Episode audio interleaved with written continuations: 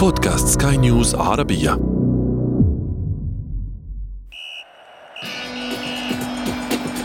أثير الكرة.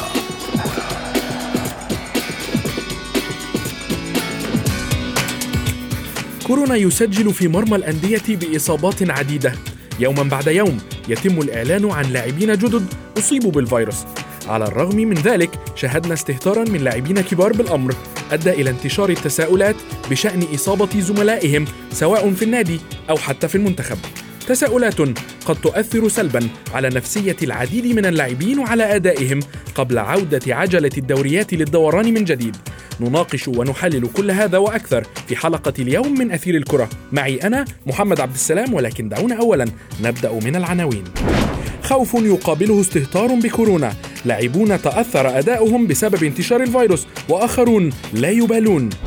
دوري الأمم الأوروبية بطولة قارية بطعم ودي. وفي فقرة ما لا تعرفونه عن كرة القدم نتعرف على لاعب لقب بالأفضل رغم عدم لعبه لأي مباراة. أثير الكرة. أهلا ومرحبا بكم مستمعين الكرام. بعد يومين فقط من مواجهة منتخب فرنسا في دوري الأمم الأوروبية وبعد نحو 18 ساعة من نشره صورة له مع لاعبي منتخب بلاده دون مراعاة دون مراعاة لأي إجراء احترازي.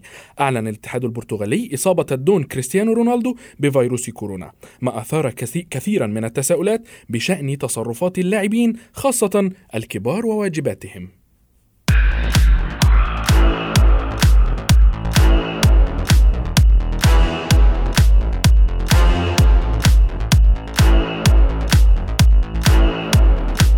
في كثير من المباريات نلاحظ بأن اللاعب لا يحافظ على على المستوى الذي ظهر به في المباراة السابقة.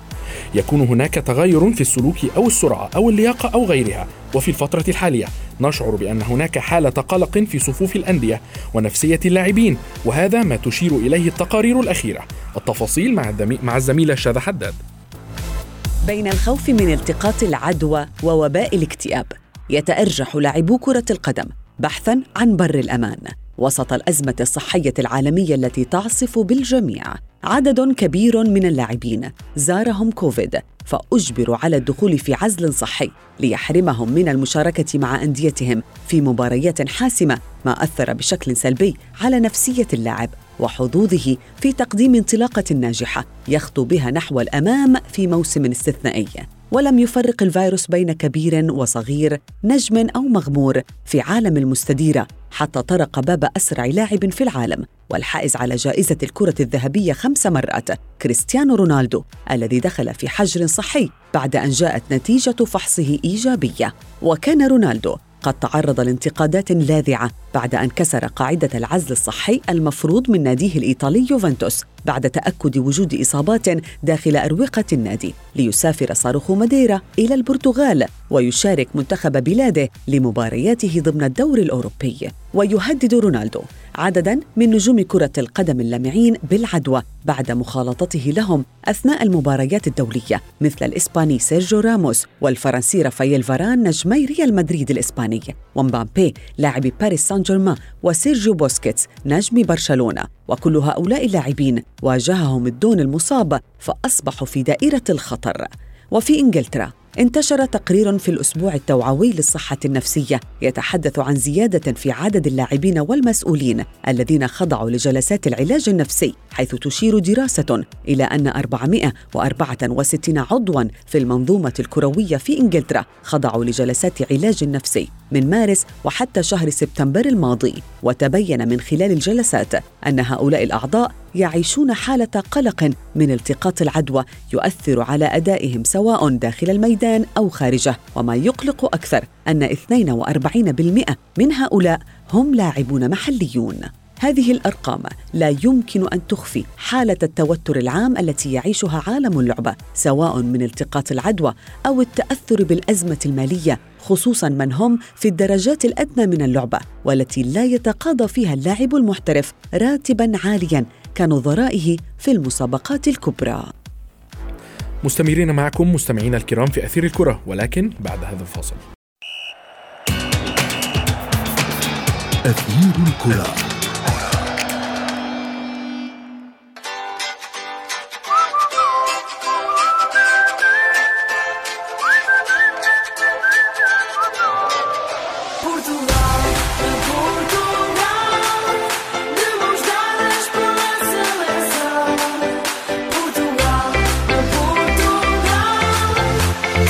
مرحبا بكم من جديد مستمعين الكرام. تأثر عالم كرة القدم بانتشار فيروس كورونا على مستوى العالم بشكل كبير خاصة عندما توقفت المنافسات والبطولات لفترة طويلة.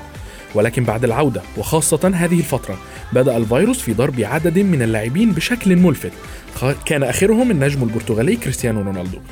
كثيرون حملوا اللاعب مسؤولية ما حدث له ووصفوه بالمستهتر لما قام به من كسر لقواعد التباعد الاجتماعي.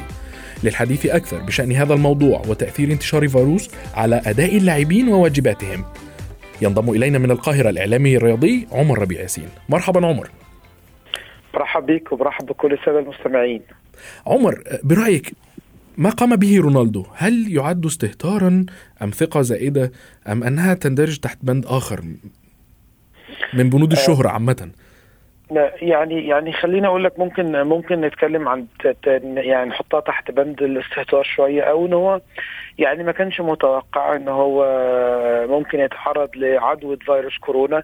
خلينا نتكلم إن رونالدو من أكثر لعيبه كرة القدم اللي موجودة في العالم اهتماما بنفسه اهتماما بصحته اهتماما بكل شيء. يمكن رونالدو لاعب كرة القدم أو من لاعبين كرة القدم الوحيدين في العالم اللي دايما بيقضي وقت آه، خارج الملعب دايما مع أسرته. وبالتالي لما شفنا آه، الصور وشفنا الطريقة اللي كان بيتعامل بيها مع منتخب البرتغال بعد انتهاء المعسكر ولما كانوا متواجدين في آه، داخل مطعم بدون أي إجراء وجود إجراءات احترازية بدون وجود تباعد تباعد اجتماعي ما بينهم وبين بعض بدون وجود أي آه، ماسكات على وجوههم. وبالتالي هنا خلينا نسأل السؤال أو نقول دايما إن لاعب كرة القدم هو ثروة قومية بالنسبة لناديه يعني يوفنتوس لما يدفع الفلوس الكبيرة جدا بالنسبة لرونالدو رونالدو عليه واجبات لازم يقدمها تجاه يوفنتوس علشان خاطر يوفنتوس بيدفع له مرتبات عالية جدا علشان يحقق ليوفنتوس القاب عشان يحقق ليوفنتوس أرباح ولكن عمر أيضا هناك بالتأكيد يشعر بنفس ال... بنفس الشعور تجاه منتخب بلاده. طبعا. طبعا منتخب بلاده بس أنا بتكلم على آه، إن اللاعب ثروة قومية لمنتخب بلاده لناديه لاسرته زي ما أنت قلت كان في آه، آه، يعني كان في جزء من الاستهتار كبير جدا في الصورة وفي اللقطات اللي إحنا تابعناها وشفناها. ممكن مش بس يعرض نفسه ممكن يعرض منتخب بلاده ويعرض زمايله للخطر ممكن يعرض أسرته ويعرض ولاده للخطر. زي ما أنت عارف محمد إن لاعب كرة القدم إلى حد ما مناعته بتكون عالية شوية بتكون بسبب طبعا إن هو شخص رياضي بيكون دايما مهتم بأكله مهتم بصحته فبتخلي قوة الفيروس عند لاعب كرة القدم بتكون قليلة عن الشخص الطبيعي. لكن هل أنت تضمن إن أنت ممكن ما تكونش عديد فرد من أفراد أسرتك؟ هل أنت ممكن ما تكونش متأكد إن أنت عديد فرد من أفراد آه، آه، ولادك الصغيرين في السن اللي مناعتهم قليلة؟ وبالتالي أنت مش بس ممكن تعرض نفسك أو منتخب بلادك أو فريقك للخطر أنت ممكن تعرض أسرتك وأسرتك دي هم مسؤولين منك. أنت دايما بتعمل كل التاريخ وكل الشهرة وكل المال اللي انت بتبنيه بسبب أسرتك عمر وبسبب طبعا بالإضافة بالتأكيد للأسرة ولكن دعنا نتحدث عن اللاعبين الذين كانوا يخالطون رونالدو آه، سواء كان في في مباراة آه، فرنسا قبل قبل الإعلان بيومين أو سواء كان لاعبي المنتخب البرتغالي. صحيح. انت دايما بتعمل المساحات أو دايما بتتعرض إلى مساحات الكورونا قبل المباراة تقريبا ب 48 ساعة. وبالتالي انت في خلال 48 ساعة ممكن تكون اتعرضت لأي حاجة تخليك تتعرض أو تتعدي من أي شخص حامل لفيروس كورونا. وبالتالي شوف بقى كم من ال... كم من اللعيبة اللي ممكن يكونوا خلطوا رونالدو وبالاستهتار. مش هتكلم على رونالدو هتكلم بشكل عام على لاعب كرة القدم. ممكن باستهتار صغير ممكن بشكل أو أو أو أو أو بآخر تكون تعرضت إن أنت تعدي بعض اللعيبة الآخرين في منتخب البرتغال أو حتى في منتخب فرنسا وبالتالي أنت مش بس بتضر نفسك أنت بتضر منتخب كامل أنت بتضر بلد كامله أنت ممكن تعرض مش بس اللعيبة أنت ممكن تعرض اللعيبة ولكل من يخالط هذه اللعيبة بالتعرض لفيروس كورونا وبالتالي زي ما أنا زي ما أنت قلت في الأول ده نحطه تحت بند الاستهتار وتحت بند إن لاعب لازم يكون عنده مسؤولية مجتمعية لازم يكون عنده مسؤولية تجاه منتخب بلاده لازم يكون عنده مسؤولية تجاه زمايله اللي موجودين في الفريق وأيضا مسؤولية كمان محمد تجاه الجهاز الفني اللي موجود معاه وأمانة. لازم نحط كلمة الأمانة تحت بند كرة القدم إن لاعب كرة القدم لازم يكون عارف إن هو مش بس يعرض نفسه إن هو ممكن يعرض نفسه يعرض زمايله يعرض أسرته يعرض الكثير والكثير من الناس اللي موجودين حواليه لفيروس كورونا وزي ما أنت عارف وزي ما أنت شايف. مش عايزين نرجع تاني لشهر ثلاثة وشهر أربعة وإن النشاط يتوقف وإن ماتشات المنتخبات تتوقف وإن الدوري يتوقف. علشان ده بيضر مش بس بلاعب كرة القدم بيضر بالعالم أجمع كرة القدم هي اللي بتضخ الحماس والحيوية والفلوس لكل منظومة العمل في كل حتة في العالم. فعشان كده أنا بقول لك لازم كرة القدم ولازم ولازم لاعب كرة القدم يكون في جزء كبير من الجهاز الطبي اللي موجود في كل فريق كل بالتأكيد عمر زياده زيادة أعداد الإصابات حاليا في الملاعب قد يعرض البطولات لعودة التوقف من جديد. ولكن دعنا نتحدث عن عقلية اللاعبين والتغير الواضح فيها في الفترة في فترة انتشار الفيروس تحديدا. رأينا تعامل مثلا لاعبي منتخب ألمانيا في أولى مبارياتهم في دوري الأمم الأوروبية أمام إسبانيا. كيف رأيت التباعد الاجتماعي حتى في في فترة النشيد الوطني للمنتخب. بص خلينا نتكلم دايما إن إن إن إن, إن دايما منتخب ألمانيا أو أو أو أو ألمانيا هو هو أنا أنا أخذته كمثال ولكن طبعا طبعا طبعا. أنا بس هقول لك إن إن دايما ألمانيا عقلية اللاعب دايما بيكون ليها علاقة ب يعني النشأة بتكون ليها علاقة من ال system اللي محطوطة. بالتالي المنتخب الألماني لما شفنا النشيد الوطني والتباعد الاجتماعي حتى لما يكون في عمل تحليل لل PCR ليهم كلهم بس إحنا اتفقنا إن المسحة أو ال PCR اللي بيتعمل للاعب بيكون قبل المباراة ب 48 ساعة. لكن دايما أنت مش بتكون ضامن أو مش بتكون متأكد أنت في خلال 48 ساعة اللي قبل المباراة أنت خالطت مين أو قابلت مين وبالتالي الأخذ بكل الإجراءات الاحترازية اللي منتخب ألمانيا عملها في التباعد الاجتماعي والمسافات المطلوبة ما بين كل لاعب والآخر عكس منتخب إسبانيا اللي كان متقارب جدا فده بيدل على النظام وبيدل على الإجراءات وتنفيذ الإجراءات الاحترازية على أعلى مستوى.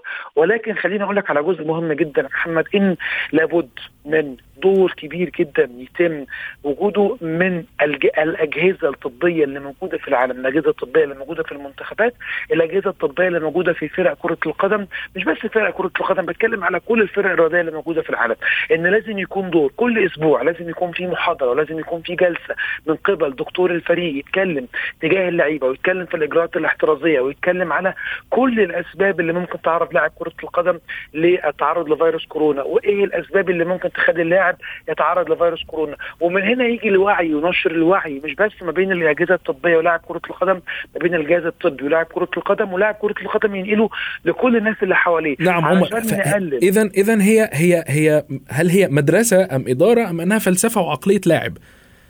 هي مدرسة بعد كده تبقى فلسفة وبعد كده إدارة. عشان خاطر المدرسة لو شفنا منتخب ألمانيا تلاقي إن معظم اللعيبة اللي موجودين في منتخب ألمانيا أو بعض منهم موجودين في بعض الدورات الأوروبية.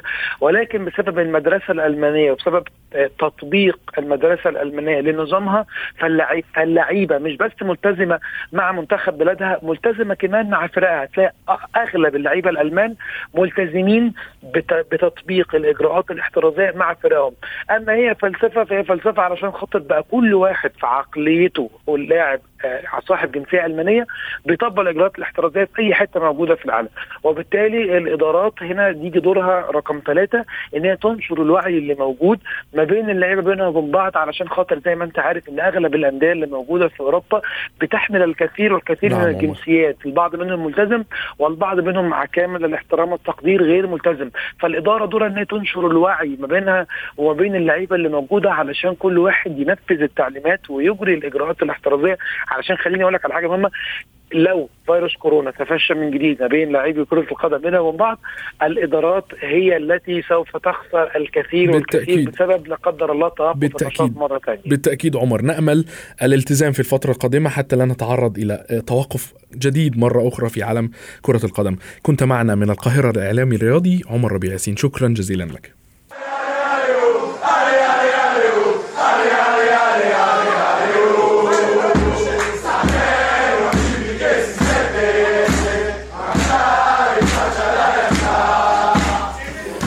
الأمم الأوروبية بطولة ظهرت العام الماضي لتحل محل المباريات الودية خلال الأجندة الدولية التي تستغلها المنتخبات في العالم للوقوف على مستوياتها. لكن حول الاتحاد الأوروبي لكرة القدم يويفا هذه الفترة إلى مباريات دولية رسمية لأسباب عديدة نتعرف عليها مع ضيفنا الذي ينضم إلينا من بيروت الصحفي الرياضي جورج سويدي. مرحبا جورج. مرحبا محمد يعطيك العافية. جورج دوري الأمم الأوروبية بطولة لا أحد يعلم عنها الكثير. هناك الكثير من المتابعين لا يفهمون ما هي هذه البطولة ما السر وراءها. هل لك أن تحدثنا عن بعض أسباب استحداث الاتحاد الأوروبي لهذه البطولة؟ طبعا يعني محمد بطولة الأمم الأوروبية أو UEFA Nations League ممكن إذا فينا نعمل مثل تشبيه لبطولة ال Europa League. يعني تعرف مسابقة ال Europa League هي المسابقة الثانية على صعيد الأندية في أوروبا من بعد ال Champions League. ولذلك فينا نعتبر تصفيات اليورو وبطولة اليورو هي بطولة ال Champions League. ومنافسات UEFA Nations League أو دوري الأمم الأوروبية هي منافسات ال Europa League. ولهذا السبب بعض المنتخب بعض المنتخبات ما بتاخذ هالبطولة على صعيد جدي. يعني بنشوف هناك مدربين بيغيروا بالتشكيلة من مباراة إلى ثانية بيغيروا أيضا بطريقة اللعب. مثلا منتخب ألمانيا تارة يلعب بتشكيلة 4 2 3 1 وهي تشكيلة الكلاسيكية تارة يلعب ب 3 4 3 يعني آه، طبعا آه، هي بالنهاية بطولة رسمية لأن فيها كأس وفيها نقاط أيضا. وهذا هو وهذا هو المهم على صعيد تصنيف الاتحاد الدولي للمنتخبات. نعم تندرج تحت تندرج تحت الاتحاد الدولي بالفعل. صحيح صحيح. نعم. ولذلك نعم. تفضل تفضل. ولذلك هذه البطولة عندها أهمية بس طبعا ليس بأهمية بطولة كأس أمم أوروبا لكن تبقى هي المسابقة الثانية على صعيد المنتخبات في القارة العجوز. جورج رأينا المنتخبات كما تحدث بتشارك بكامل نجومها. يعني ليس فقط من باب التغيير لكن هناك منتخبات تشارك بكامل نجومها. كما رأينا فرنسا كما رأينا إيطاليا آه، ألمانيا. ورغم ذلك تتعرض لهزيمة من خصم أقل قوة. ما هو السبب في ذلك؟ السبب آه، هو يعني كنت ذكرت سابقا أن بعض المدربين يحاولون إجراء آه، تعديلات بأدخال لاعبين شباب يعني نرى منتخب آه، فرنسا مثلا آه، ديدييه ديشان المعروف بثباته على تشكيلة معينة آه، دائما. ولكن دائما هناك بعض التغييرات في التشكيلة إن كان على الصعيد إن كان على الصعيد الدفاعي تارة يلعب هرنانديز وفافار تارة يلعب هناك لاعبون آخرون. اللاعب الناشئ كامافينجا المتألق في الدوري الفرنسي تارة يلعب أساسي وتارة على مقاعد البدلاء. يعني أيضا جيرو أيضا يلعب كأساسي وأيضا بعض المباريات نرى مرسي آه، أنتوني مارسيال كأساسي. آه، أيضا في منتخب ألبانيا نفس الشيء يعني آه، المدرب لوف في كل مباراة يعتمد على تشكيلة معينة. لكن طبعا النجوم سوف تشارك لأن هذه مباراة دولية والمباراة الدولية تحسب للاعب. نرى توني كروس الذي احتفل من أيام قليلة في المباراة رقم 100 مع المنتخب الألماني. ولذلك النجوم دائما يحبون المشاركة مع منتخب بلادهم. في آه، كل المباريات وحتى إن كانت مباريات دولية ودية وحتى إن كانت آه، منافسات ال UEFA Nations League أو دوري الأمم الأوروبية. جورج بالحديث بالحديث عن منتخب ألمانيا هناك انتقادات وضغوط جماهيرية كبيرة تواجه المنتخب الألماني وخاصة المدرب يواخيم لوف. جعلت الحديث عن بدائل محتملة له موضع نقاش في الإعلام الرياضي الألماني هذه الفترة. 12 انتصار فقط في آخر 29 مباراة. ما هو يعني صحيح. فاذا آه، أسلوب تغيير تغيير الخطة أو تغيير اللاعبين في هذه الفترة أظن أنه قد يضر بيوخيم لوف. صراحة محمد يعني معروف في ألمانيا إنه كل حوالي عشر سنوات يتم تغيير مدرب منتخب حتى لو حقق نتائج هزيلة. وأنا برأيي من بعد كأس العالم 2018 كان على الاتحاد الألماني لكرة القدم أن يقوم ب تغيير المدرب يواكيم لوف. ثلاث مباريات لعبها المنتخب الألماني في كأس العالم الماضية وفاز في مباراة واحدة فقط وبالثواني الأخيرة بهدف خرافي لتوني كروس. وكل مباراة لعبها وقتها المنتخب الألماني في كأس العالم لعب بتشكيلة مختلفة. هذا التغيير بالتشكيلات آه، يعني آه، بخلي آه، يعني إذا فينا نقول بخلي يفرجي صورة عدم ثقة للمدرب لوف في اختيار التشكيلة، تارة يلعب 3 4 3 أو أربع مدافعين في الخلف، تارة يلعب بوسط أو هجوم أو دفاع مختلف، خاصة خط الدفاع. الدفاع يجب أن يكون ثابت دائما، أهم خطوط الملعب في ثبات التشكيلة هو خط الدفاع، ولوف في كل مباراة يغير في خط الدفاع. وأيضا لابد من الإشارة إلى إلى استبعاده لاعبين ما زالوا في قمة عطائهم كتوماس مولر وماتس هومل. هوملز هو من أفضل المدافعين ليس فقط في دورتموند بل أيضا بالدوري الألماني والمنتخب بحاجة إليه كثيرا وأيضا بحاجة إلى توماس نعم مولر. وبالتالي الضغوط كبيرة على المدرب لوف وأكثر المنتقدين كان اللاعب السابق وبطل العالم عام 1990 لوزر ماتيوس الذي كان أشد المنتقدين نعم. للمدرب يواكيم لوف. جورج انتهت الأجندة الدولية الآن كنت معنا من بيروت الصحفي الرياضي جورج سويدي. شكرا جزيلا لك. أثير الكرة.